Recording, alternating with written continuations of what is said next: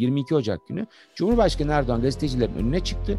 O kadar muhabirden bir tanesi ya hükümetin iki bakanını birbirleriyle açık açık atışıyorlar sosyal medya üzerinden ne oluyor diye sormadı. Soramadı. Böyle gazetecilik olmaz. Bunun adı gazetecilik falan değil. İş takipçiliği yapacaksan gazetecilik yapmayacaksın. Gazetecilik yapıyorsan iş takibine bulaşmayacaksın. Senin işin değil o. Evet etrafımda ben bugüne kadar çok gördüm bunu yapanlar. Sen de görmüşsündür gazeteci kisvesi altında ne fırıldaklar çevirenler var ama... Bağımsız, objektif, kaliteli haber. Kısa Dalga Medya. Kısa Dalga'dan merhaba. Başlık Spot'ta bugün Ünsal Ünlü ile birlikteyiz. Ünsal Ünlü şimdi bizim yayın yaptığımız Kısa Dalga gibi mecralara ilham veren bir gazeteci aslında. Ya. Yeni medya teknolojilerini en iyi kullanan ve bu yolla da e, çok sayıda dinleyicisine, izleyicisine ulaşan e, fenomen diyebilir miyiz Ünsal? Hoş geldin. Eyvallah teşekkür ederim. Hoş bulduk. Çok teşekkür ederim Kemal. Yok yani e, belki şöyle demek mümkün. Ben, ben de kendimi tanımlarken öyle tanımlıyorum. Beş buçuk sene önce başlarken evet buralar hep hani o amyan tabirle dutluktu. Kimse yoktu. E, ben yalnızlıktan çok sıkıldım. Şimdi daha kalabalık oldu. Daha güzel oldu ama ya sadece mesleğini yapmaya çalışan bir gazeteciyim işte. Biz seninle yıllarca beraber çalıştık zaten aynı piyasanın içinde biliyorsun. Ben işimi yapmaya çalışıyordum. Başka mecra kalmayınca mecbur buraya yöneldik. Evet çok da iyi yaptın. Dediğim gibi Eyvallah. hakikaten e, konuşacağız. Bu ana akım medya meselelerini, alternatif medya meselelerini ve buradan nasıl yollar bulduğumuzu, neler yaşadığımızı konuşacağız. Sen e, radyoculukla başladın gazeteciliğe Hı-hı. ve e, sanırım e, şimdi yaptığın işle, işe de çok büyük katkısı oldu radyoculuğun değil mi? Onu biraz anlatır mısın? Nasıl oldu? Tabii. Tabii tabii kesinlikle öyle. Ben e, Ankara Radyosu çocuk saatinden yetişmeyeyim. 12 yaşında bir e, Türkiye çapında bir sınavla e, katıldık oraya. Biz 5500-6000'e yakın çocuğun girdiği bütün Türkiye çapında bir sınavdı. Sonra o işte e, bir yıl boyunca elenerek 69 çocuğa düştük ve 8 yaşından başlayarak 8 ile 18 yaş arası 69 kişiydik biz. Ee, sonra bunun üzerine işte kurslar falan mikrofon önü oyunculuğu bunları öğrendik. İyi hocalardan ders aldım. Yani bir sene boyunca e, çocukluktan bir sene gitti ama ben helal hoş olsun diyorum her düşündüğümde. Çünkü bana meslek verdi orası. İşte Rüştü Asyalı'nın, Ejder Akışık'ın, Ergin Orbey'in, Çetin Tekindor'un olduğu bir gruptan.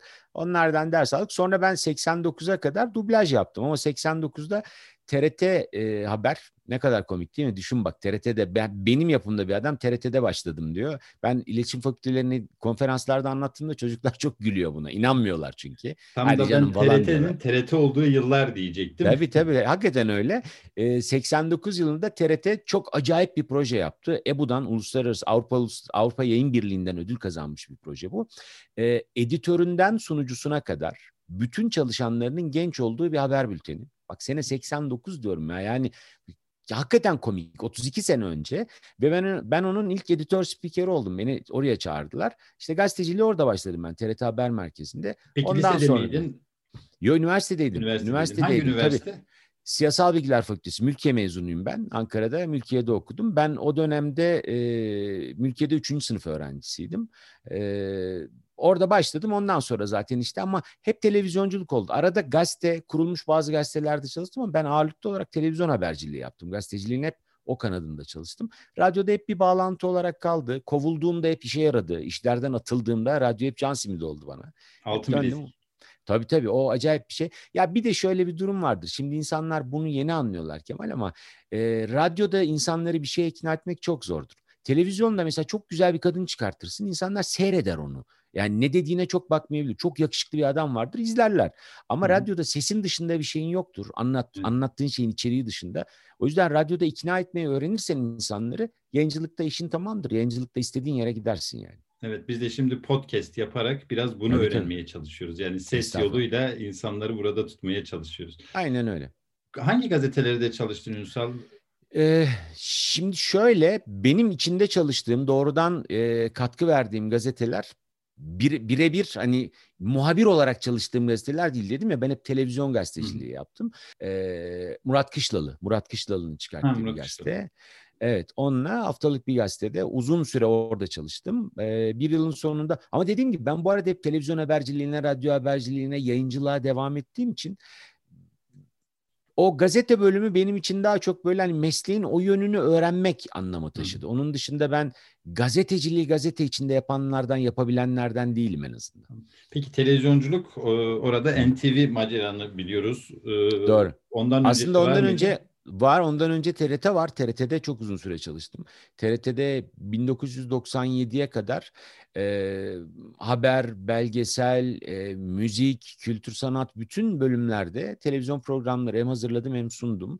Peki şunu e, soracağım Ünsal. TRT meselesi önemli çünkü kamu yayıncısı ve tabii, dünyanın birçok yerinde kamu yayıncılığı medyayı sürükleyen, medyaya katkı veren, e, medyanın önünü açan yayıncılıklar yapar. Şunu biliyoruz tabii en geniş anlamda devletin kurumudur. E, ama işte BBC, Deutsche Welle, diğer e, ülkelerdeki kamu kurumu e, niteliğindeki yayın kuruluşlarına baktığımızda hükümeti de eleştirmekten geri durmazlar. Hatta tabii. yani örneğin İngiltere'de e, yine tartışması bol ama en geniş anlamda diyorum e, hükümetin en büyük e, denetçisi BBC'dir işte e, Boris Johnson BBC'nin yönetimini değiştirmek için çok uğraşıyor ve böyle bir kraliçeyi eleştirebilen insanlar ya monarşiye kafa tutmuş insanlar. Ta BBC'nin tarihinde var o çünkü. Evet evet daha yakın dönemde mesela kraliçenin işte Virgin adalarında vesaire evet. hesapları çıktığında çok bunu haber yapmaktan çekinmiyordu. Buradan tabii ideali budur demiyoruz ama hmm. bir farkı ortaya koymak için bu kıyası yapıyorum. TRT de ben hatırlıyorum darbe döneminden sonra falan e, bayağı bir e, hani e, o darbe yönetiminin bir aracı olmuştu. Ama yine de her şeye rağmen bir kamu yayıncılığı modu vardı, bir kamu yayıncılığı sorumluluğu da vardı. E, biraz anlatır mısın senin çalıştığın dönemde TRT'nin yapısı nasıldı? Tabii. Ya çok haklısın. Şöyle ben mesela dedim yani mesleğe TRT Haber Merkezi'nde başladım diye. Ben ilk yayına e, 19 yaşında bana bu editör spiker olarak ekranı teslim ederlerken düşünsene TRT ekranı yani bir tek o var. Herkesin baktığı ekran.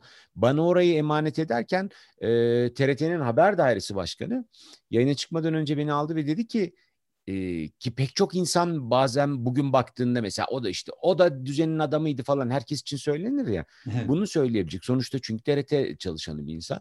Bana dedi ki oğlum bak şu anda yayına çıkıyorsun. Yayında yapabileceğin tek şey senin. Yaptığın her hatayı biz burada kurum olarak üstleniriz. Sadece yalan söylemeyeceksin mesleğine sahip çıkacaksın. Gerçekten bana bunu söyledi adam. Şimdi bugün baktığında bunlar böyle hayal gibi geliyor. Demin söyledin ya hani sen işte kraliçenin Virgin Adaları'ndaki hesabı üzerine BBC salladı resmen kraliçeyi ve ailesini. Aynı şey biz e, beraber seninle de çalışırken aynı ortamın içinde gördük. Sadece TRT için değil ki. Mesela Anadolu Ajansı için de geçerliydi. Türkiye'nin gördüğü bugüne kadar bilinen, yargılanmış en büyük, yargılanmış özellikle en büyük yolsuzluk dosyası, beyaz enerji dosyasını Anadolu Ajansı yazdı. Anadolu Ajansı'ndan sevgili Coşkun'un haberidir o.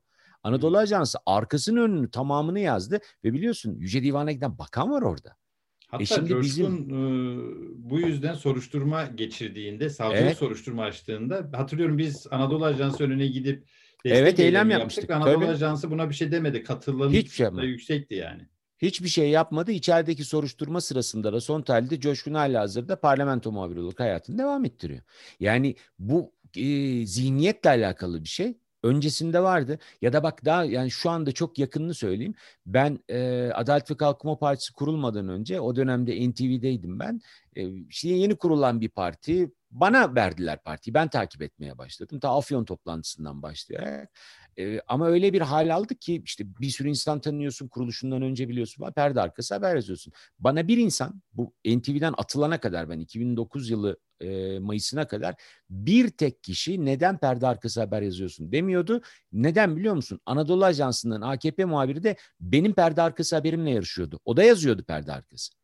Yani bunların hepsi yapılabiliyordu. Bu öyle bir zihniyetle öyle bir hale getirildi ki sanki Türkiye'de tarihte hiç olmamış gibi davranıyor şu anda insanlar. Ben de yaptığım yayınlarda sabah yayınlarında özellikle bu bir medya hafızası olsun istiyorum. İnsanlara da anlatıyorum. Özellikle olayları tek tek yeriyle ve zamanıyla anlatarak bunun için yapıyorum.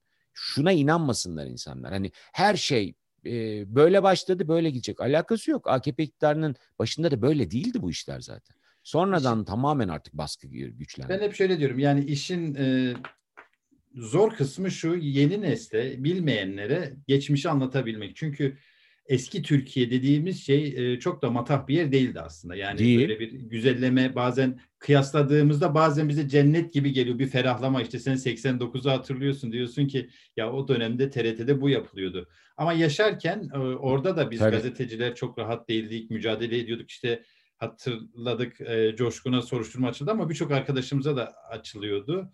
E, işte gazeteler kapatılıyordu, medyada bir tekelleşmeyi tartışıyorduk. Ama öyle bir zaman diliminde yaşıyoruz ki Ünsal, bütün bu önceki e, eski Türkiye'de yaşananlar bize böyle e, özlediğimiz ferah günler gibi geliyor. Demek ki bugün yaşadığımız şey hakikaten hiç tahayyül edemeyeceğimiz kadar ağır bir şey. Yani. Çok, çok ağır işte. Tamam, tamamen öyle o e, anlatmaya çalıştım. Bugün o kadar ağrını yaşıyoruz ki geçmişte sanki her şey pürüpakmış gibi insanlar hatırlıyor. Hayır değil.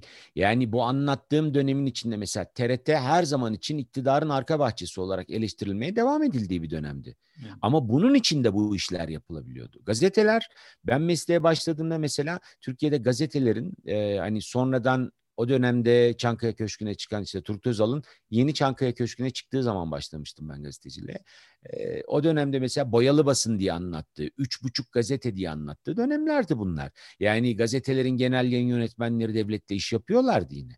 Ama ne olursa olsun sonuçta habercilik her zaman devam ediyordu.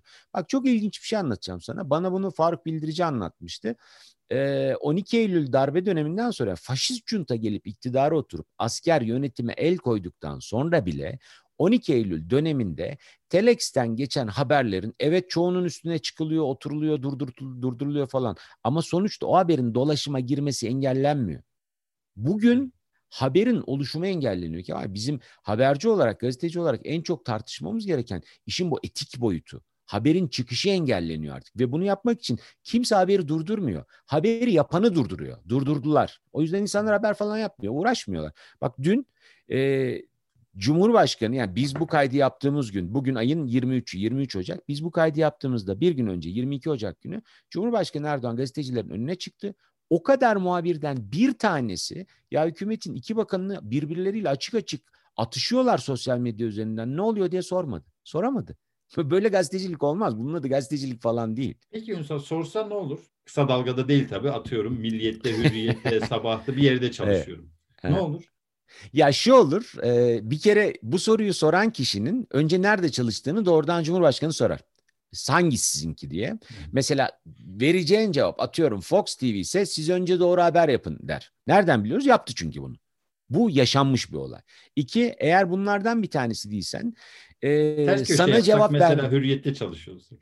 O, keşke olsa. Keşke Türkiye bunu yaşasa. iş normalleşecek o zaman Kemal işte. Zaten sıkıntı o. Ya bu sorulacak bir soru. Dünyanın her yerinde haber bu. Yani İngiltere'de de haber, Türkiye'de de haber, Gana'da da haber. Ama bizdeki sıkıntı şu, bunu yapacak insan bırakmadılar. Bak şu anda piyasada çalışan, ben şu deminki sözüne çok e, inanıyorum, ben de çok kullanırım onu. Geçmiş anlatılırken insanlar bir süre sonra güzellemeye başlıyor. Böyle çok güzelmiş falan gibi. Hayır, medyanın her zaman Türkiye'de güçle sıkıntısı vardı. Her zaman ilişkisinde bir sıkıntı var. Ama şu vardı, mesleğinde kıdem almış insanlar bu tarz işlerde öne çıkartılırdı. Yani bir cumhurbaşkanına soru sorulacaksa ona soru soracak kişinin en az 5 senedir basın kartı cebinde olurdu. Yani bu camiayı bilirdi. Şimdi öyle değil. Basın toplantısına yollanan çocuklara bakıyorum ben. Kızlara, erkeklere bakıyorum. Onların kötülüğünden değil, onları oraya yollayan editörlerin, haber merkezi sorumlularının kötülüğünden onlar oradalar.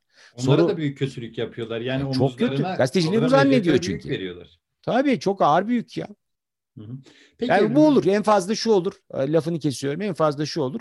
E, şikayet edilir. Atılır mı? Zannetmem atacaklarını. Ama şöyle de bir durum var. Artık yayıncılık için tek mecra orası değil. Şu anda konuştuğumuz şey zaten işte bu. Peki buraya geleceğiz ama önce bir NTV'yi e, merak ediyorum. Esas tamam. olarak bir haber kanalıydı ve e, hatırlıyorum çok ciddi. Biz gazetede çalışırken örneğin e, televizyonda çalışan... Açıktı değil mi? Efendim? Televizyon açıktı hep. Yani bütün gazete bürolarında öyleydi çünkü. NTV evet açık evet olurdu. tabii. Bütün zaten onu diyeceğim gözümüz bir yandan evet. ya son dakikadaydı. İşte bizim yargı alanında çalışan Gökhan Bozkurt vardı, Necmi vardı. Selahattin Bostan vardı. vardı. Selahattin vardı. Biz de haber atlatırlar mı diye bir yandan gazete televizyona bakardık. Onlar sabah e, televizyona geldiklerinde ilk iş gazeteye bakarlardı. Tabii, televizyon açıldı. haberciliği gerçeği vardı yani. Hı hı. E, işte soru sormaktan çekineni bir tarafa bırak. Her şeyi didikleyen, e, bir bakana soru sorulacağında ben buradan nasıl bir e, haber çıkartırım e, sahikiyle hareket eden. Ama en konu NTV'de Cavit Çağlar'ındı. Önce sonra Doğuş grubunun olduğu bir Doğuş. holding şey oldu. Editoryal bağımsızlık meselesi sanırım burada çok önemli. Ee, hiçbir dönem şimdiki kadar e, editörler, e, gazeteciler patrona bağlı değildi herhalde değil mi? Sen nasıl yaşadın Kesin. o dönemi? Nasıl bir habercilik atmosferiydi? Ya şöyle 1999 sonunda 2000'in başında hemen ben e, NTV'ye başladım. CNBC'ye kuruluyordu o zaman yine Doğuş grubunun içinde. Hı. Zaten Ferit, Ferit Şahin artık rahmetli Ayhan Şahink'in e, oğlu olarak tabii onun asıl e, holdingin içinde yeri vardı ama e, Cavçağlar'dan almıştı televizyonu. Biz şöyle başladık. Zaten 2000 Türkiye için hani bir yargı muhabiri olarak senin de çok iyi bildiğin o hayata dönüş operasyonlarının olduğu seneydi ve öyle bir şey yaşanmaya başladı ki NTV tam haberin göbeğinde üzerine bir de biliyorsun işte bu Hizbullah operasyonları, domuz bağları, cesetler falan filan çıkmaya başladı. Tam o dönemde biz haberin göbeğinde öyle bir büro çalıştık ki e, demin isimlerini andığın arkadaşların dışında sokağa çıktığımız zaman herkes ne haber getireceğini gerekirse hangi habere nasıl ulaşacağını çok iyi biliyordu. Çok sağlam bir kadroyla, kemik bir kadroyla bunu yaptık. Yıllarca devam etti. İşin en net patladığı yer neresi biliyor musun? Sana çok net söyleyeyim. Cumhuriyet mitingleri. Ben mesela benimle ilgili süreç Cumhuriyet mitinglerinde başladı. Adım kadar eminim ben. Cumhuriyet mitinglerine kadar e, o dönemde bütün haberleri yaptık. Bak ben öyle bir haber yaptım ki sana şunu anlatayım. Bence bunun ötesinde bir örneği tartışmamıza gerek yok. Erdoğan Bayraktar işte Bayındırlık Bakanı, Bayındırlık ve İskan neyse hatırlamıyorum bakanlığın adını. Biz Niğde'de bir toplu konut açılışına gittik. Açılış Erdoğan yapacak başbakan o zaman. Ve toplu konut açılışına biz yolda trafikten dolayı NTV aracı geç gidebildik. Bütün gazeteci arkadaşlar önden gitmişler. Öğleden sonra saat 2 gibi falan yapılacak açılış. Biz geç kaldık. Herkes kurmuş canlı yayın araçlarını falan. Niğde'nin içine yemeğe gitmişler. Biz de geç kaldığımız için hani böyle işlerde sorumluluk her zaman muhabirdedir. Canlı yayın aracının e, sorumlusu yönetmen arkadaş dedi ki abi ne yapalım? Dedim ki ya geldik buraya kadar. Buradan yemeğe gitmenin bir anlamı yok. Kurulalım bekleyelim. En azından burada bir çay demleriz otururuz. Biz nakden yayın aracını kurduk. E, Namık Okutan kulakları çınlasın. Namık kamerasını ayar yapıyor. Ayar yaparken kameranın açısında bir itiş kakış oldu. Namık da yani sonuçta yılların kameramanı. Namık netledi ve görüntüyü çekmeye başladı. Erdoğan Bayraktar'ın basın müşaviri bir üst teğmeni dövdü tekmeyle. Bak bir daha söylüyorum. Bir üst teğmeni, üniformalı bir üst teğmeni dövdü tekmeyle. Ve orada ortalık birbirine girdi. Görüntü bir tek bizde var. Bizden başka kimse yok. Yerel muhabirler bile yok. Çünkü o garibanlarda hani Yemek. iyi misafirperverlik göstermek için arkadaşlar alıp yemeğe götürmüşler. Kimse yok ortada. Düğün fotoğrafçısı bile yok. Biz görüntüyü baştan sona çektik. Bizim NTV'de o zaman genel yayın yönetmeni haberin başında Mirgün var kulakları içindesin. Benim çok eski arkadaşım Mirgün Cabaz. Cem Aydın genel müdür. Telefon ettim ben. Dedim ki böyle böyle bir olay oldu. Mirgün'ün bana söylediği laf bizim o günkü yayına bakış özetimiz. Mirgün dedi ki şahane haber bas görüntüyü biz buradan son dakikayı geçelim. Bak bir üst değmenin dövülüşünden bahsediyorum sana. Görüntüsü var bizde. Ve biz görüntüyü bastık son dakikayla yıktık ortalığı. Gerçekten ortalık birbirine girdi. Yemekteki bütün arkadaşlar söylenerek küfrederek haliyle koştuk koştuk Yazık geldiler. Yazık oldu herkese ama e, asıl önemlisi Nida Alay Komutanı geldi.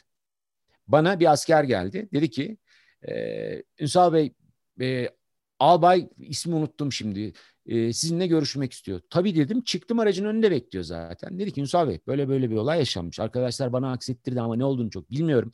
Müsaade eder misiniz? Aracınızda görüntüyü izleyebilir miyim? Tabii ki dedim. Aldım aracı görüntüyü izlettim. Adamın şafak attı. Ben mosmor olduğunu gördüm. Çıktı dışarı emrindeki bütün askerlere nasıl bağırıyor biliyor musun? Bir arkadaşınız dövülüyor ve hiçbir şey yapmıyorsunuz diye. Bas bas bağırdı. Biz bu görüntüyü yayınladık. Basın müşaviri görevden alındı. Ben iki sene Namık'la birlikte mahkeme mahkeme gezdim. Çünkü açılan davada tanık sadece ben ve Namız. Biz tanık tanık programında gezdik öyle. Ne oldu? Hiçbir şey olmadı biliyor musun? Hiçbir şey. Ama şu oldu. NTV bu görüntüyü yayınladı.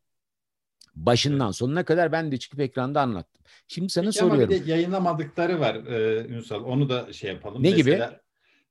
Şeyi hatırlıyorum hayata dönüşten bahsettin. Hmm. Ben o sırada yeni bir gazeteciydim. Radikal'de e, 6-7 aylık bir gazeteciydim. Ama e, şöyle diyeyim hani e, çok hızla girmiştim ve yargı haberleri yaptığım için de e, açığı kapatmıştım. Yani hayata dönüş operasyonu çok yakından takip ediyordum. Zaten adı itibariyle bir kere ad konulmasını hatırlıyorum. E, sonradan şunu yazdım benim gazetecilikte yaptığım e, kendi adım en iyi işlerden biri. Onun adının devletin resmi kayıtlarında Tufan operasyonu olduğuna dair e, o belgeleri bulmuşum. 10 yıl sonra tabii oldu bu ama yine de hayata dönüş aldatmacasının e, ne anlama geldiğini ortaya çıkarıyordu. Ama televizyonlara bir tebligat mı gitti, bir şey mi söylendi, İçişleri Bakanlığı basın mı bunu dedi. Bir anda bütün televizyonlar tamam İç, e, İçişleri Bakanlığı bu operasyona hayata dönüş dedi diye bir anons geçtiler. Sonra herkes hayata dönüş demeye başladı. 30 tutuklu ve hükümlünün iki askerin öldürüldüğü, hmm. daha sonra da bu operasyon nedeniyle de yüzün üzerinde insanın ölüm orucunda hayatını kaybettiği bir olaydan bahsediyoruz. Bilincini ee, yitirenler, hastalananlar ve, vardı arada bir de. Evet ve yıllarca e, yıllarca e, F tipine ilişkin haber yapılamadı. Yani ne gazetelerde ne televizyonlarda çok Hı-hı. küçük küçük ve kısa kısa haberler girebiliyordu. Yüzün üzerinde tutuklu ve hükümlü gencecik insanlar ölüm orucunda ölmesine rağmen.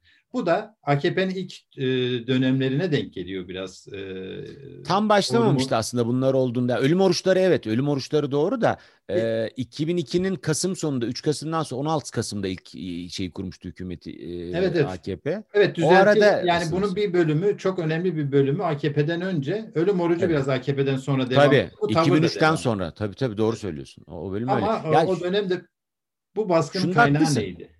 Bak şunda haklısın. Ee, ya o bölümünü bilmiyorum. Bilsem anlatırım. Gerçekten bir fikrim yok ona ilişkin ama biz o dönemde kendi canlı yayın araçlarımızda bütün cezaevlerinin önünden kendi görüntülerimizi topluyorduk. Yani bize görüntü sağlayabilecek kimse yoktu. Eğer bunun görsel anlamda bir kesintiye uğramasından bahsediyorsan görüntü artık alınamadığı içindir o. Öyle bir engel getirilmişti ki çünkü çok iyi hatırlıyorum. Cezaevlerinin önünde sen daha iyi bilirsin etten duvar örüyordu insanlar. Hmm. Polisler yani resmen geçit vermiyorlar. Jandarma dikiliyordu her yere. Bunu çok net hatırlıyorum ama öbür boyutuyla ilgili mesela isme dönük olarak hakikaten ne yaşandı bir fikrim yok. Ben e, senin yaptığın haberi hatırlıyorum. Bu hatta başlığı da güzel bir başlık başlıktı. Tufandı döndü falan gibi bir şey yazmıştın galiba evet. yanlış hatırlamıyorsam. Ben öyle bir başlıkta hatırlıyorum. Ee, o değişim aslında operasyonun ilk anından itibaren isimden bağımsız olarak zaten NTV'de sadece operasyondu söz konusu olan. Çünkü yine çok iyi hatırlayacaksın o dönemde Saadettin Tantan'ın İçişleri Bakanlığı döneminde üst üste yapılan operasyonlar artık isim bulunamadığı için gazeteciler isim bulunuyordu. Balina operasyonu, fil operasyonu, paraşüt operasyonu hatırlarsın o dönemi. Yani uydur kaydır bir sürü isim konuyordu. O, operasyonu bile gördük. Follow gördük ya isim kalmadı çünkü. Yani söylemeye çalıştığım şey şu. Bu tabii ki NTV savunmak değil. O dönemde ne olduğunu içeride o anlamını bilmiyorum. Mesela şeyi biliyorum. Cumhuriyet mitingiyle ilgili olan bölüm biliyorum ama öbürünü bilmiyorum. Ee, Peki, o yüzden Cumhuriyet anlatayım. mitingine gelelim. Cumhuriyet, Cumhuriyet mitinglerinde ne değişti?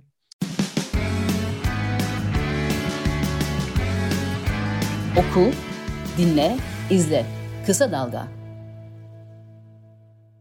Valla şu değişti bak ben sana yaşadığımdan örnek vereyim. Yayınlarımda da hep bunu anlatıyorum. Böyle olduğu zaman kimse çıkıp bana hayır öyle olmadı diyemiyor. Çünkü tanığı benim. Anlatıyorum örnek olaylarla. Ee, Cumhuriyet mitinglerinin ilki Ankara'da Tandoğan'da yapılan mitingde o mitingi ben anlattım.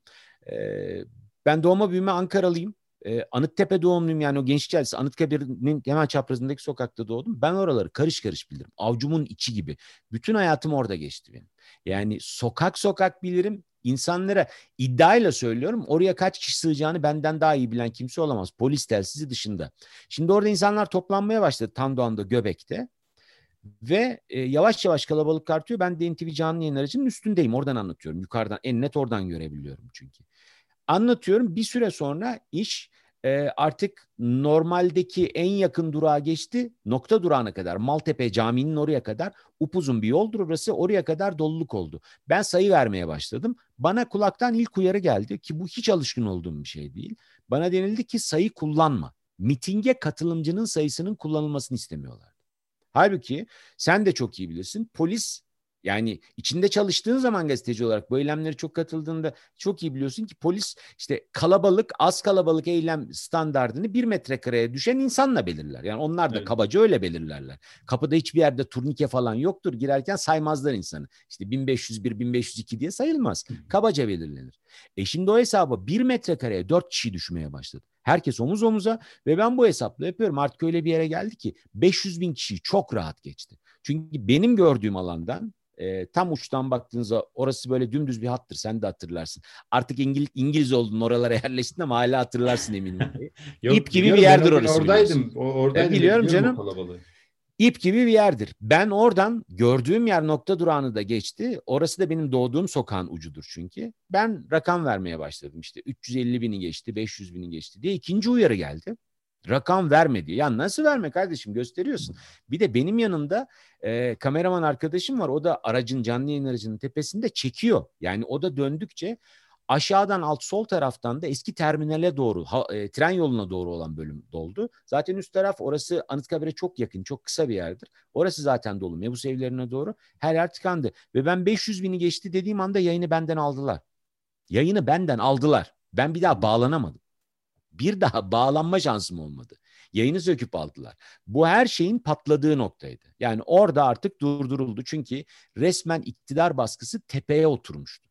Vermeyin bunu göstermeyin diye. Halbuki orada yapılan hikayenin yani sonradan anlatıldı işte darbecilik, otçuluk, çöpçülük böyle bir alakası yok. İnsanların oraya gelen insanların çoğunun ne için geldiği hakkında fikri bile yoktu.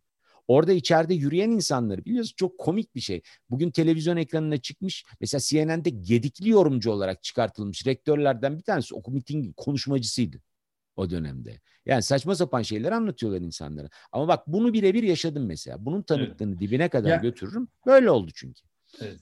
Orada Cumhuriyet mitingleri meselesine tabii girmeyelim ama e, en azından orada bulunan insanların amacının e, hükümeti protesto olduğu çok açıktı bir darbecilik çok niyetinden netti farklı çok olarak. netti.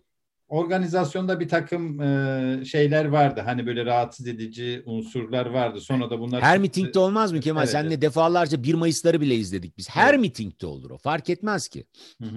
Ee, esnaf oraya... eyleminde ben kafamın şurasını yardım. Bak iz var burada. Meşhur esnaf eyleminde o yazar kasaların atılmasından hemen sonra yaşanan kafama taş yedim ben orada miting anlatırken mesela. Oradaki unsur benim kafamı yaran herif sitelerde çıraktı. Şimdi bu adam şiddet unsuru ama sonuçta baktığın zaman bu ürün terörle merörle bir alakası yok ki. Orada da aynı şey oluyordu. Bu esnaf eylemleri de üzerinde çok durulmayan, çok tarihi Tabii. eylemlerdi değil mi? Çok, çok, çok. Yani, yani bence o arada... AKP'yi de iktidara getiren bir dalgaydı o. Valla yani o iktidar dalgasını AKP iktidarı onu taşıdı bilemem ama o dönem e, yaşananların içinde çok ciddi bir kaldıraç etkisi yarattığını biliyorum. E, orada çünkü eylemi düzenleyen insanlar, eylemin içinde konuşmacı olan insanlar herkes bir anda taca çıktı. Hiç kimsenin hiçbir etkisi olmadı. Bir kırmızı kamyon geldi hiç unutmuyorum. E, ortada refüjün üzerinden devrilecek gibi bir e, manevra yaptıktan sonra arkasından yüzlerce insan indirdi. Ve o insanlar işte taşlarla, sopalarla herkese saldırdı. Bir tanesi de tam benim önümdeydi. Yine aracın üzerinden anlatıyordum. Yerden e, Anadolu Ajansı'nın hemen sol tarafındaki kaldırımdan yerden Arnavut kaldırımı söktü. Sök, e, sökerken çektik biz onu. Kafayı kaldırdı. En net hedef bendim. Ben de olsam bana da atardım bu arada. Vurma şansı çok kişi. Bir attı şurayı yardı. Böyle şurada hala bir iz taşırım o yüzden. Ama yani çok, çok üzerinde durulmadı. gelen e, hakikaten inanılmaz bir eylemdi. Peki o kamyon gelme meselesi bir dış güce mi işaret ediyor? Yok ya hiç zannetmem. Sonradan e, o zaman ya ismi sen hatırlarsın. Ankara'da Çevik Kuvvet'in müdürü Kutlay neydi? Soyadı hatırlıyor musun? Kutlay, Kutlay, Çelik. Kutlay Çelik. Kutlay Çelik yaşa. Sonradan o e, işte bir şey yapmıştı onların içeriden çıkarttıkları istihbaratı, o dönemin istihbaratına göre sonra bizle de paylaşmışlardı onu bir haber vesilesiyle görmüştüm. Hatta bizim Gökhan getirmişti. Gökhan gerçekten mi sen de adının adını. Mesela orada sitelerde adamları toplama şeylerini gösteriyor. Ee, resmen lümpen toplamışlar ya. Hani sen de gel sen de gel bu şey hikayesi resmen. İşte vatan elden gidiyor hadi yetişin falan filan diye adam toplamışlar sokakta. Ya benim kafamı yaran çocuk ben yüzleştim 16 yaşındaydı ya. Ha ondan nasıl terörist olsa ne olur yani? 16 Tabii her şey öyle... böyle terör. Ben biraz tırnak içi söylüyorum hepsini. O anlaşılıyordur diye. E, çünkü toplumsal olaylara e, şiddet doğasında da var. Yani olabilir. Hatta bir yerden sonra kararları var ki diyor ki şiddet uygulanmış olsa bile e, sadece şiddet uygulayanı ayırırsın. Geri kalanın özgürlüğünü sağlamaya devam edersin. Bu kutsaldır vesaire diyor. Dolayısıyla tabii onu e, bizim dinleyiciler, izleyiciler anlar diye hiç tırnak içi belirtmeden söyledim. Hmm. E, peki Ünsal sonra e, NTV macerası nasıl bitti ve sonra sanırım bir haber Türk var değil mi? Arada evet. başka bir yeri var mı? Yeah, yok. Yok zaten olabilecek bir şey yok. Yarım saat çünkü ikisinin arası. E, bunlar yaşandıktan sonra biz tabii çok gergin bir durum yaşamaya başladık. Ee, bir yandan da beni atamıyorlar çünkü yani iyi muhabirdim ben. İşimi gerçekten iyi yapardım Hı. televizyonculuğu da. Ee, atamıyorlar ama sürekli olarak bir taciz başlamıştı. En son şöyle bir şey buldular. Ee, bana denildi ki e, Cumhurbaşkanlığı işte o dönemde e, Abdullah Gül seçildi 2007'nin 28 Ağustos günü seçildi. Bana dediler ki sen Cumhurbaşkanlığına bak. Niye? Çünkü zaten sen tanıyorsun. Adamla sen çalıştın. Tamam Cumhurbaşkanlığına bakmaya başladım ama parlamentodan geçtim oraya. Ee, ve ondan sonra bir anda bana dediler ki sen başbakanlık muhabiri ol. Ne alakası Tenzili var? Rütbe. E, ya tenzili rütbe bile değil sadece. Bu sadece taciz. Hani bugün mobbing diyorlar ya daha seksi göründüğü için. Bana bu mobbingi yapan insan şu anda A Haber'in Ankara temsilcisi öyle söyleyeyim. e, bana bunu söyledi ve ben çok net bir şekilde hayır yapmam dedim. Yaparsın yapmazsın böyle saçma sapan bir didişme içinde. Bunun bir takım e, götürüleri olacağını söyledi. E, ben de kıdemsiz bir adam olmadığımı, aptal da olmadığımı, ne götürebileceğini bildiğimi söyledim.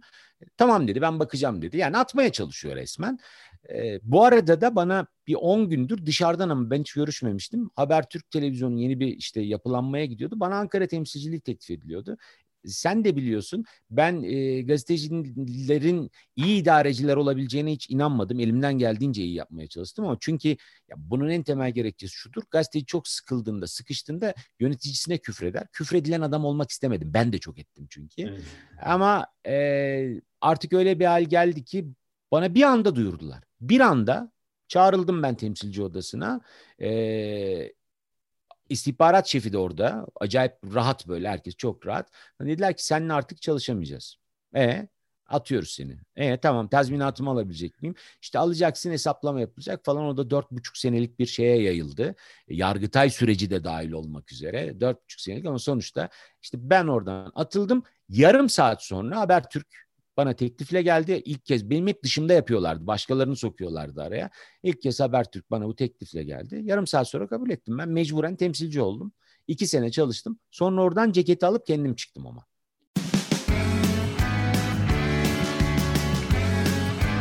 Oku, dinle, izle. Kısa Dalga. Habertürk nasıldı ve e, oradaki macera nasıl bitti? Ya şöyle e, Habertürk gerçekten görece özel bir yerdi. Bir kere büroyu ben özgürce oluşturdum. Çok kıdemli muhabirlerle çok genç insanları bir araya getirdim ve çok iyi iş yaptık. Yani televizyonculuk açısından içinden çıktığım kurum, atıldığım kurum NTV benim için bir numaralı rakipti. E, ve biz 6 aylık bir sürenin sonunda Türkiye'nin en çok izlenen haber kanalı olduk. Habertürk'ün içinde. Yüzde 74 civarında o dönem hazırlanan istatistikten hatırlıyorum bunu. Ankara büro yapıyorduk bunu. Küçücük ama çok etkili büro yaptım orada. Arkadaşlarımla birlikte çok da iyi iş, yaptım. İşin en civcivli tarafı şuydu. o dönemde Habertürk'ün genel yayın yönetmeni Yiğit Bulut'tu. Şimdi insanlar hep şey diyorlar bana. Ya nasıl çalıştın sen iki sene falan? Vallahi gayet de iyi çalıştık. Keskin muhalifti çünkü hem keskin muhalifti hem de daha ötesi şu yani e, onun gazetecilik anlayışı gazeteci değil zaten o yani o sonradan hani bu mesleğin içine bir şekilde yerleşmiş insanlardan biri. Onun gazetecilik anlayışının bana uymadığı yerlerde ben tavrımı çok net koyuyordum. Büromla beraber iyi iş yaptığımız için de ses çıkartmıyordu ama iki senenin içinde ya Kemal benim en çok dayanamadığım ve yıllardır anlattığım bundan sonra da anlatmaktan asla yılmayacağım o lanet dönem yaşandı. E, 2010 referandumu. Benim için krizin belirleyicisi, çatlatıcı. Sen nasıl dedim NTV'den benim atılma gerekeceğim. Cumhuriyet mitingleri biliyorum. Öbür tarafta da benim ipimi çeken e, 2010 referandumu oldu. Çünkü öyle bir hal aldı ki Ankara temsilcisinden istenen resmen e, ağırlama yapan bir protokol müdürü. Ama benlik bir şey değil ya ben işimi yapmaya çalışıyorum. Bak 51 yaşındayım ben ve hala bu işi yapabilmek için böyle bir mecra oluşturdum. E, o dönem daha da rahat yapmaya çalışıyordum. E, öyle bir hale geldi ki artık gazeteciliğin ihtimali kalmamıştı. Gerçekten kalmamıştı. E, yani yapılacak Ankara şey çok fazla. biraz şey olması hali. E, bunu az yapan vardı, çok yapan vardı. E, gazetecilikle bağdaştırabilen vardı ama patron Tabii. temsilcisi olması, Tabii canım, patron vekili mi? olması, hatta iş ya takipçisi iş, olması. Heh, söyleyeceğim işte o iş takipçiliği isteniyor senden. Ama benim ekstra bir durumum var. Öbürünü zaten yapmayacağımı biliyorlar da. Bak ben şunu yaşamaya başladım mesela. Dedim yani ben parti kurulmaya başlamadan önce izledim, izlemeye başladım. E, çok fazla tanıdığım insan var yani dostluk ettiğim, sohbet muhabbet ettiğim bunlardan bir kısmı bakan oldular sonradan. E bu insanlar şimdi sana telefon ediyorlar. Ankara temsilcisisin sen. Sana telefon edip diyorlar ki ya bizim bir ekrana çıkmamız lazım. Ekrana mı çıkmanız lazım? Ne olacak ekrana çıkınca? Çünkü reisten talimat gelmiş çıkın referandumun ne kadar hayırlı bir şey olduğunu e, 2010 referandumunda çıkacak yapılacak hakimler savcılar yüksek kurulu düzenlemesinin ne kadar önemli olduğunu anlatın. Ben de diyorum ki ya kardeşim olmaz. Bak sana sorulacak bir sürü soru var. Gel bunları da konuşalım. Arada ben sana zaten o soruyu da soracağım çünkü Türkiye'nin gündeminde. Hayır onu istemiyorum o olmaz. Bir süre sonra bunlar şikayet dilekçeleri halinde patrona kadar gitmeye başladı. Biliyorum bunu. Ee, ama yani ne yapacaksın kardeşim? Sonuçta ekrana çıkan sensin. İnsanlar baktığı zaman senle mücadele ettiğini Hı. düşünüyor. E, o zamanın mesela ÖSYM Başkanı sonradan biliyorsun tutuklandı e, Ali Demir. Ali Demir'le ben televizyonda bir yayın yaptım. Kavga ettik biz adamla. Çünkü o kadar saçma sapan şeyler anlatıyor ki işte üniversite sınavını diyor biz internet üzerinden yapacağız. Sen şimdi bir gazeteci olarak şunu sormaz mısın böyle bir durumda? Ya sorular dışarıda havada uçuşuyor. Çalınmayan soru kalmamış. Sen bir de tutup internetten mi e, şey yapacaksın? Biz bunu ben sordum bunu böyle bu şekliyle ve kavga çıktı tabii. Bütün bunlar da birikince artık bizim birlikte çalışma şansımız çok kalmadı. Onun üzerine çok da sağlam bir büro yapmıştım. Gerçekten çok sağlam bir büroydu. Ben bıraktıktan sonra da çok uzun süre iyi iş yaptılar. Evet. Ee, yapılacak şey basitti. Ceketi alıp çıkacaksın. Ben de öyle yaptım ceketi aldım. Hatta e, benimle ilgili o dönemde e, Yiğit ayrılmam için çok uğraştı. Allah var hakikaten çok söyledi bana bunu. E, engel olmasınlar diye kendi cebimden uçak bileti parası verip e, İstanbul'a gittim hiç haberleri yokken. İstifa dilekçemi orada bıraktım ve döndüm Ankara'ya. E, ya tamam işte. Evet tabii özgürlük. Yani ya, ya Kemal bir yerden sonra gerçekten bu bir işe yaramıyor. Yaptığın bak demin söylediğin Cümle çok önemli. İş takipçiliği yapacaksan gazetecilik yapmayacaksın. Gazetecilik yapıyorsan iş takibine bulaşmayacaksın. Senin işin değil o. Evet etrafımda ben bugüne kadar çok gördüm bunu yapanlar. Sen de görmüşsündür gazeteci kisvesi altında ne fırıldaklar çevirenler var ama e, sonuçta ya ben hayatıma bunu bulaştırmak istemiyorum ben. Evet. Tabii işin çok çeşitli boyutları var. Yani bizim gördüğümüz şu anda biraz daha çok e, projeksiyonu tuttuğumuzda iktidar yanlısı kurumlara geçen, e, oralarda tanımakta zorluk çektiğimiz meslektaşlarımız. Tabii. E, bir de e, bunun dışında iktidar yanlısı görünmüyor bugün. Değil belki evet. E, ama yine de medyanın bu tür suçlarına bulaşmış çok da isim var ve onlar çok pürüpak bir şekilde geziyorlar. Tabii. Hatta mağdur gibi geziyorlar Ünsal. ya çok oldu öyle şeyler. Biliyorsun şimdi muhabirlik yapmış, hele uzun süre muhabirlik yapmış herkes bunu bilir. Ya bizim dedim yani medyanın güçlü hep bir sorunu var Türkiye'de. Gerçekten sürekli böyle olmuş. Ben bir uluslararası camiada çalışmadım. Sen daha iyi gözlüyorsundur şimdi orada. Ama mesela bizde bir adam polis adliye muhabiri olduktan sonra çoğu böyledir. Sen de aynı alanda çalıştın öyle bir davranmaya başlar ki savcıya ayrı konuşur, polise ayrı konuşur. Aynı şey siyaset muhabirleri için de geçerlidir. Ee, mesela adam atıyorum sosyal demokrat partilere bakar. Bir süre sonra bakarsın ki resmen politbüro üyesi olmuş. Kafa öyle çalışıyor. Ya da işte AKP'nin içinde çok fazla kalır mütedeyyin olur. Ama bunu yapmayan insanlar da var. E, yapmayanlardan olmaya çalıştığın zaman bir süre sonra bu iktidar döneminde sivrilmeye başladın. E, çünkü soru sormak zorundasın kardeşim. Sorulacak soru var. Ben de onu yapmaya çalışıyordum. e, bunu yaptıktan sonra tıkanma başlıyor. Her alanda tıkanma başlıyor. Sen mesela dışarıdan bu alanın kıdemlisi olarak bugünün polis adliye muhabirlerinin yaptıklarının polis adliye muhabirliği olduğunu görüyor musun? İnanıyor musun buna? E yok ki şu anda onu yapmıyorlar. Bambaşka Zaten bir çok şey sorunlu bir alandı polis Tabii. Ee, işte bir arkadaşım bir dükkan işletiyordu Ünsal. Bir gün dedi ki bana e, ya dedi sattığı ürün de e, e, nargile tütünü satıyordu. Dedi ki bir polisler geliyor dedi. Bir seni tanıyormuş dedi. Ben onu iyi tanırım falan dedi. Kim dedim acaba bir adını sorsana. Şimdi bir polis ekibiyle girip çıkıyormuş ve birbirlerine işte onlar e, jargonda ne diyorlar?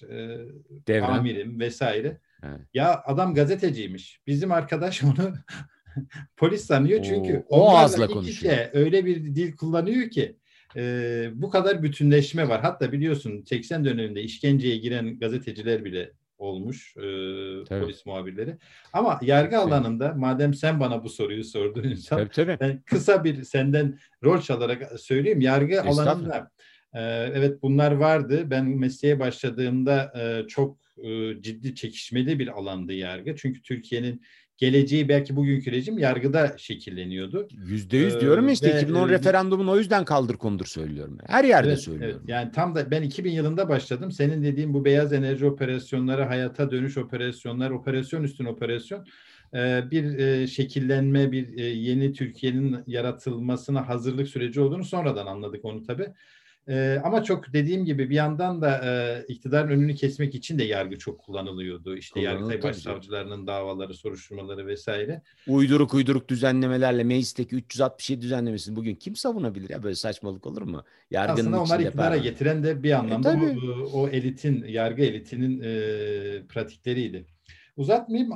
Bu tür bir gazetecilik vardı ama bizim şansımız biz biraz farklı bir bakış açısıyla girdik ve mesela Adnan Keskin'in ve onun gibi hak habercilik odaklı gazetecilik yapan büyüklerimizin bize çok katkısı oldu.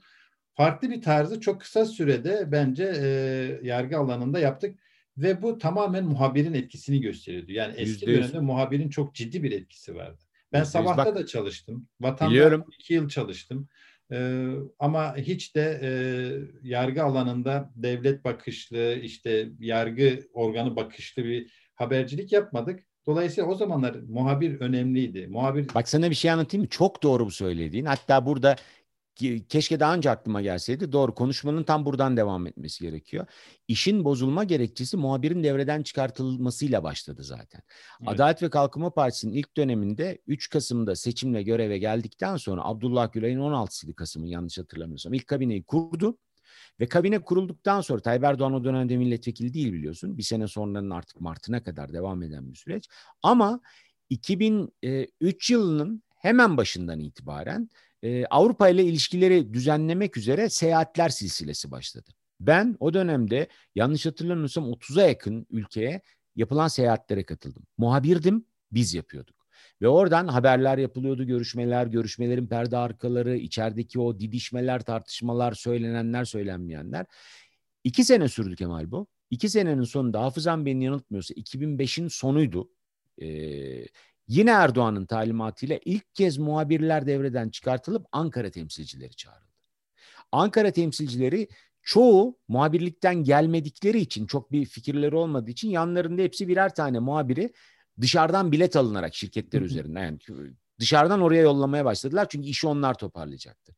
2007 yılına gelindiğinde yani Gül'ün e, Cumhurbaşkanlığına gelmesiyle birlikte Erdoğan bir kademe daha atladı.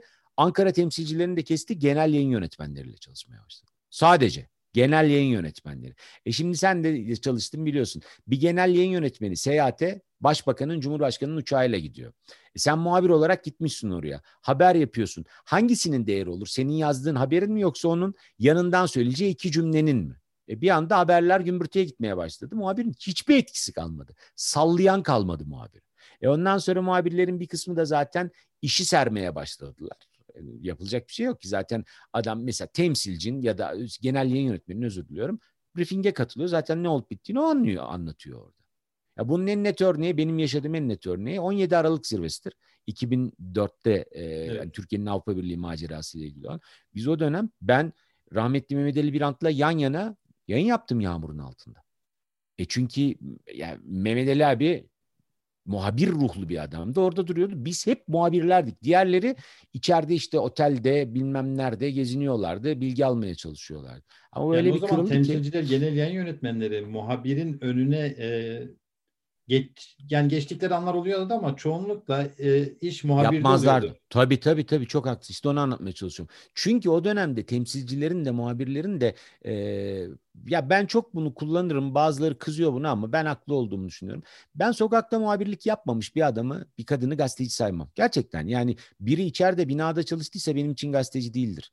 Editörlük yaptım, şunu yaptım, bunu yap. Benim için hikayedir o. Çünkü asıl ya muhabirin eksik gazetecidir diyelim. Eksik gazete. Tam öyle söyleyelim de tamam kırılmasın kimse ama sonuçta çünkü muhabirlik dışarıda birbirinden öğrenilen, ittirip sürttürerek, çarpışarak yapılabilen bir şey. O yüzden hani dediğin doğru. Saygı duyarlardı en azından. Ben çok bilirim yani genel yayın yönetmeni işte demin Mirgün'ün adını andım. Mirgün'le beraber çalışırken evet. sonrasında çalıştığım insanlarla biz Yiğit'le beraber de mesela seyahat yaptık. Ben Ankara temsilcisiyim. O genel yayın yönetmeni ama orada bile mesela işin nasıl yapılacağı konusunda bana sorardı. Doğruya doğru. Yani bunlar da yaşandı, yaşanmadı diyecek şeyim yok. Ama tabii, bugün geldiğimiz yerde yok bu insanlar. temsilci beni ha, yanıma muhabir götürür. gitmeyi düşünmez evet. asla. Ha Kemal Göktaşsız oraya gidemezsin abi. Böyle bir şansın yok. Çünkü odur işi bilen. Anlatabiliyor muyum? Görüşecekse. Ama ben bir süre sonra bir baktım ki mesela e, Tayyip Erdoğan'la görüşmeler yapılıyor. İşte Abdullah Gül'le görüşmeler yapılıyor. Cumhurbaşkanlığı muhabiri benim. Bensiz yapılıyor mesela. Bu, bu çünkü bunlar ara kademeler atlanarak iş artık tam dediğin hikaye iş takibine gelmişti. Yani çünkü patronun bir isteği var işte bilmem ne ihalesine katılacaklar orada o mu olur burada bu mu olur şu televizyon satılık alsak mı almasak mı herkes iş takibi yapıyor. Peki bu karanlık e, bir an, bir ölçüde bu son ayrılık dönemini kastediyorum yoksa gazetecilik şimdi seninle konuşurken bile bir heyecan hissediyorum. Bir anda kendimi tabii, tabii. Ankara'da, adliyede, sokakta, mecliste işte ya da duruşma salonunda falan hissettim. Ee, o bambaşkaydı. İnsanlara küçük de olsa yani bir cümlecik de olsa bir farklılık, farklı bir şey verebilme e, arzusu o gazetecilik şeyi. E, sonra herhalde e, Habertürk'ten ayrıldıktan sonra e, kendine yeni bir mecra kurdun. Bunu çok bilinçli mi yaptın yoksa hani e, bir ambargo ya da iş bulamama e, mı seni buraya yöneltti? Şöyle aslında Habertürk'ten ayrılınca hemen bir iş kurmadım. E, eski işime dublaja döndüm. Yaşamak zorundaydım çünkü işte eşim, oğlum, ailemin geçimini sağlamam gerekiyordu. Evet. Onu yaptım. Bu arada bir e, yerel türkü radyosunda Ankara bazlı bir türkü radyosunda Radyo Avrasya Türk'te bugün yaptığım işin ilk halini, ilk versiyonunu sabah radyoda denedim yine. Çok tuttu. E, çok fazla izlenmeye başladı bir aplikasyon üzerinden. Bütün dünyada izlenmeye başladı. Çünkü çeyrek telsiz vericiliği işte Ankara'nın hani ne kadar 60 kilometre uzağına kadar en fazla dinleyebildiğim bir radyoydu. Ama bunu yaptım. E bir süre sonra orayı da FETÖ'cüler çöktü. Adamlar rahatsız oldular yayından. Çünkü benim çalıştığım radyonun e, stüdyoları vardı. Keçiören'de Altın Park'ın tam karşısında. Hala duruyor orada. O medya şirketinin e, stüdyoları vardı. Stüdyoları Diyanet İşleri Başkanlığı'na kiralıyorlarmış canlı yayınlar için. Adamlar açık açık tehdit ettiler. Çok net hem de bu program bitecek diye. E, düşünsene şimdi yanlış hatırlamıyorsam o günün parasıyla yılda 3 milyon lira kira bedeliyle yapılıyordu. E, e, böyle bir durumda şirketin yaşayabilmesi için birinden vazgeçmeleri gerekiyor. Ben ayrıldım oradan. Yani çünkü eğer ben ısrar etseydim çok dinleniyor arkadaşım bırakmıyorum ben yayın desem bir sürü insanın ekmeğine mani olacaktım. Ben ayrıldım.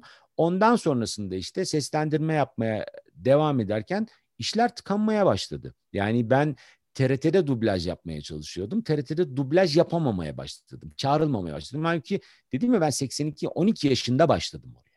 Yani o orada evet. biri hak iddia edecekse illa benim o zaten hak iddia edecek. Yani elbette öyle bir şey olmayacak da e, olmamaya başladı ama kafamda bu arada yani bir, bir, bir şekilde gazeteciliğe devam etmek ama nasıl yapam, yapacağımı bilememek vardı.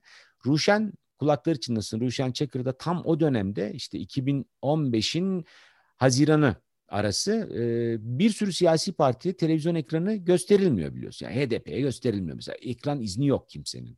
CHP'nin birkaç milletvekili var onların çıkışı yasak. E, Ruşen de bir iPad'le o zaman işte aslında Türkiye'nin gezi tecrübesinden kalma bir şeydir. Bu o dönemde sokaktan yayın yapılan uygulamaların aplikasyon e, artık gerçek uygulamalar haline döndüğü bir dönemdi. Onlardan bir tanesi Periskop'la Ruşen böyle bir şeyler yapmaya başlamıştı. Biz uzun süre beraber çalıştık NTV'de Ruşen'le. Eski dostluğumuz var. Bana da sürekli diyordu ki ya Medyascope işte bir oluşum olacak. Sen de bir şey yap ve e, bunun içinde yer al. Bu, bunun bir bölümünü de sen yap. E, ben oturdum uzun cebimde dedim bildiklerimin hepsini alt alta dizerek ciddi bir yayın kurgusu yaptım. 6 aya yakın sürdü bu.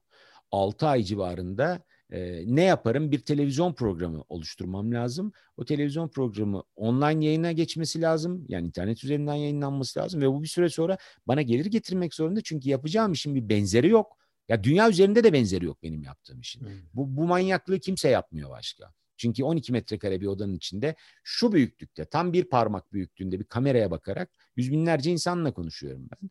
Ee, ama kurdum bunu. Ben hakikaten bilinçli kurdum. Hatta hep söylüyorum bunu. Benim bir B planım falan yoktu. A planı bu. B, B yok. C de yok. Hiçbir şey yok. Bunu yapacağız. Olursa olur. Olmazsa yeni bir şeye bakacağım. Bambaşka bir şey yapacağım. Ee, işte başladım. İlk yayını 37 kişi izledi. 37 kişinin de bir bölümü benim tanıdığım insanlar, bir bölümü de işte o bahsettiğim Türkü Radyosu'nda bu adam ne yapıyor diye başlayıp sonradan oranın müdavimi olanlar. Ama biz işte birinci yılın sonunda ilk birkaç binli rakamları görmeye başladık. Beş binleri, on binleri. Ee, ondan sonra iş öyle bir mecraya geldi ki şu anda günde yaklaşık birkaç mecranın toplamında 130-140 bin kişiye ulaşıyorum. Dünyada 79 ülkeden. Süper, süper. Çok etkileyici. Birçok televizyondan, evet. birçok belki gazeteden daha fazla. Şunu söyleyeyim mi? Ben sabah saat 9'da yayını koyma gerekçem buydu benim. Ee, onun e, ilk örneğini Habertürk'te biz başlatmıştık. Pelin çiftle yapıyorduk bir de ya. Şimdi hani bambaşka işler yapıyor Pelin TRT'de. Böyle uhrevi işler falan yapıyor ama Pelin çiftle ben her sabah üç tane soru yolluyordum. O bana soruları soruyordu. Sabah o programın aslını yapıyorduk. Sonra 9'da hani böyle geyik döndürme programları başladı ya milletin. Ben bu yayına başlarken saat 9'a ısrarla koydum ve izle, izleyicime de söyledim bunu. Biz 6 ay içinde bunların tamamını yok edeceğiz. Karşımızda hiçbiri kalmayacak diye. E, hakikaten 6 ay bile sürmedi aslında. Tek tek devrilmeye başladılar. Bugün o dandik işleri seyreden var mı? Çoğu kaldırdı zaten televizyonların. Hakikaten öyle yani Kemal bak bir hani tecrübeli bir yayıncı olarak söylüyorum. Bugün çok izlendiğini düşündüğümüz hani bütün Türkiye sosyal medyada gündem olunca insanlar zannediyor ki milyonlarca kişi izliyor en çok izlenen o salı perşembe akşamları gazetecilerin geyik programlarının izleyicisi iddiayla söylüyorum YouTube'daki bizim online izleyici sayımıza ulaşamaz. Sadece YouTube'daki. Ama onun etkisi daha fazla. Niye? Ya ben interneti olan insan tarafından izlenebiliyorum. Öbürü bilmem nerenin daha köyünde bile izlenebiliyor. E bu ayrım her zaman gelecektim. Olacak. Yani aslında kıramadığım yani iktidarın yap, başardığı şey şu. E, başarılı bir iktidar. Yani hakikaten kendi yüzde yüz bu anlamda yüzde yüz başarılı. Hedeflerini %100. adım adım sağlayan bir iktidar ve ana akım medyayı çökertme çabası daha iktidara geldiği ilk günden aslında bunun ipuçları vardı. İşte senin dediğin gibi kimisi için Milat Cumhuriyet mitingi, kimisi için 2010 referandumu vesaire. Bunu adım adım türlü yöntemlerle hayata geçirdiler. Şu andaki manzara e, bizler yani ana akım medyada çalışmış, gazetecilik yapmış insanlar ana akımın dışına sürüldük. Yeni bir ana akım inşa ediyoruz. Evet ben ona çok inanıyorum. Yani bugün Ünsal Ünlü ya da işte kısa dalga diyelim. Yeni ana akımı e, temsil eden yerler bence. Onda... Ana akım biziz. Ben de söylüyorum bunu. Biz ben bu işli ilk başladığımızda mesela Ruşen'le en büyük e, tartışmamız buydu. Ruşen alternatif medya lafını hiç sevmiyordu. Biz alternatif değiliz falan diyordu. Ben ısrarla alternatif olduğumu söylüyordum. Bugün de ısrarla diyorum ki ana akım biziz. Öbürünün bir hükmü kalmadı. Gerçekten kalmadı. Evet. Yani o sadece şu anda iktidar desteğiyle gidiyor. E nasıl reklam aldıklarını hepimiz biliyoruz işte. Cumhuriyette bir güne evrensel uygulanan e, basın enformasyonun reklam yasaklarını düşün. Öbür taraftan reklam paraları akıtılmasına rağmen mesela en son Takvim Gazetesi günleriydi. E sen şimdi bak çok tecrübeli bir gazetecisin. Bir gazetenin nasıl oluşturulduğunu biliyorsun. Takvim gibi sabahın konservesi olan, kendi adına bir muhabiri olmayan, haber oluşturmak için uğraşmayan, editoryal yapısı olmayan bir gazetenin ne masrafı olabilir baskı dışında? Niye kapatırsın ki? 93 bin sattığını iddia ediyor bir de. Hikaye çünkü hepsi patladı. O para da yetmiyor artık. Patladı gazetecilik yapılmadığı için. Şimdi e, ama şunu başardı iktidar. E, ana akım evet ama kendi televizyonları var. Kendi doğrudan yandaş da demiyorum. Kendisinin yani iktidarın televizyonu var. Sadece TRT değil diğer kanallar da doğrudan Tabii. mülkiyet yapısı itibariyle iktidara ait. Ve fakat işte e, taşraya, köye, kasabaya, e, kendi seçmen tabanına e, o kanallar dışında kimse giremiyor. E, bir büyük baraj var. E, ve Hı-hı. herkes bu defa kendi mahallesine konuşmaya başladı. Yani biz Yankı odaları işte. ama bizi e, iktidara oy veren kaç kişi dinliyor mesela? Belki seni daha çok dinleyen olabilir. e, geniş bir kitle ama yine de oransal olarak baktığımızda normal bir ülkede e, Ünsal Ünlü'yü dinleyen insanların e, oranı şöyle olur. AKP yüzde 40, CHP yüzde 25, HDP yüzde 12, MHP yüzde 11, İyi Parti yüzde 10. Yani seçimde ne oy alındıysa onu parlamentodaki dağılım. Evet. Yani. Ama doğru söylüyorsun. Şimdi burada e, aslında yaptığım işin bir iyi yönü bu. Sen de bunun farkındasındır muhtemelen. Ana akım medyada ben yıllarca yayıncılık yaptım ama oranın en büyük eksikliği şudur. Ölçüm konusunda sıkıntı yaşarsın. Çünkü ölçümlerde bir e, devletin aracı regülatör kurumları, düzenleyici kurumları vardır. Onların verdiği rakamlara inanmak zorundasın. Ama burada bizim yaptığımız işte mesela benim yayın sırasında kimler tarafından izlendiğimi ben de görebiliyorum, beni izleyen de görebiliyor. Sayıyı da görebiliyor, dağılımı da görebiliyor. Ben e, bütün istatistiklerle beni hangi ülkelerden insanların hangi çoğunlukla izlediğini, hangi aralıktan izlediğini, hatta bir takım anketlerle cinsiyet dağılımlarını, yaş dağılımlarını, ilgi alanlarını görebiliyorum. Bu bize şunu getiriyor. Bizim izleyicimiz, buradaki izleyicimiz sanal görünmesine rağmen daha gerçek. Öbüründe karanlığa sıkılan kurşunlar var ve işte zaten getirinin azalması da orada çıkıyor ortaya Kemal. Mesela ATV'nin, A Haber'in zarar edebilmesinin mümkün olmaması lazım. Çünkü devletin oluşturduğu bütün rant akıyor oraya. Ama buna rağmen zarar ediyor bu kurumlar. Neden? Çünkü yaptığı iş gazetecilik değil.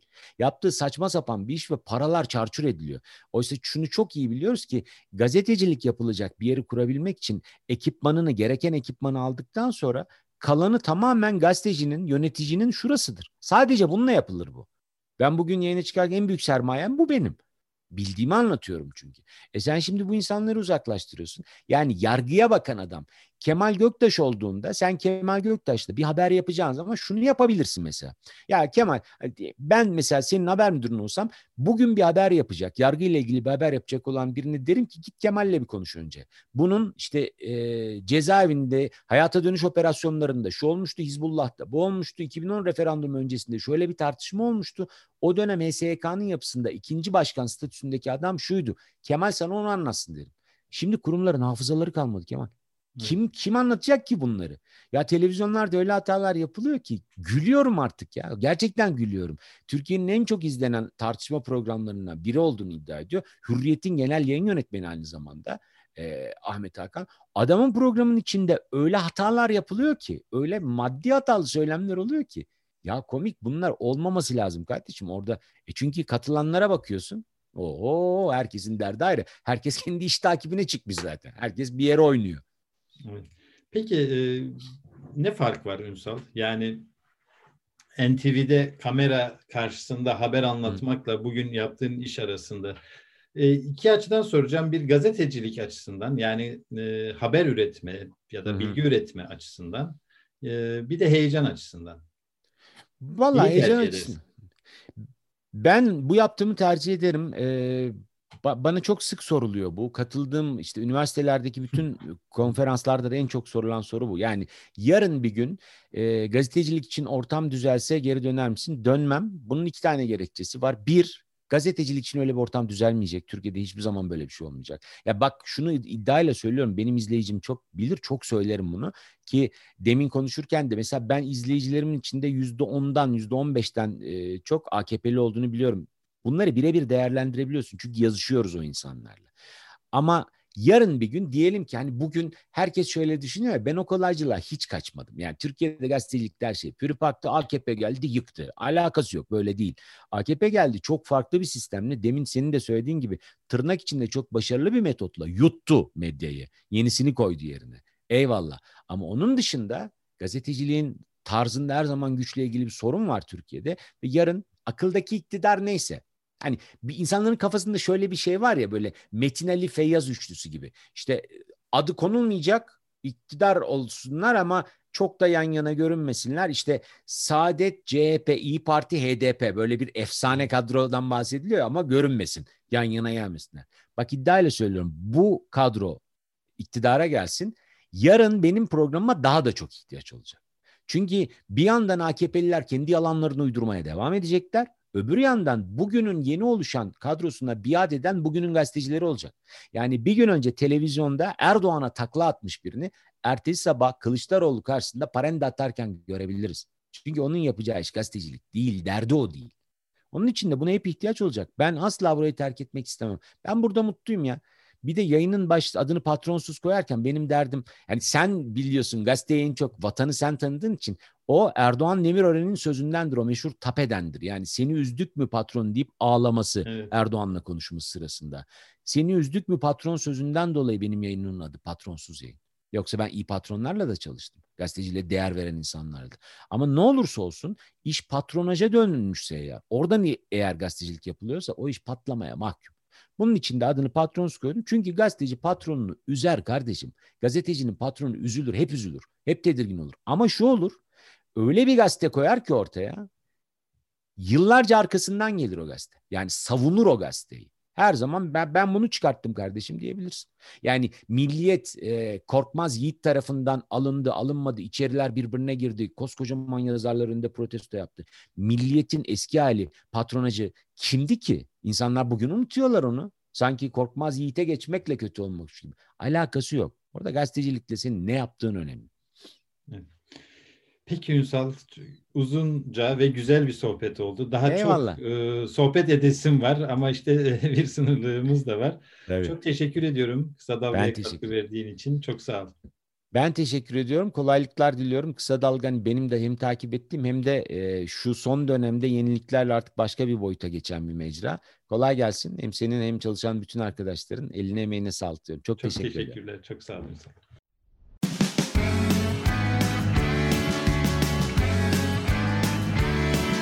Kulağınız bizde olsun. Kısa Dalga Podcast.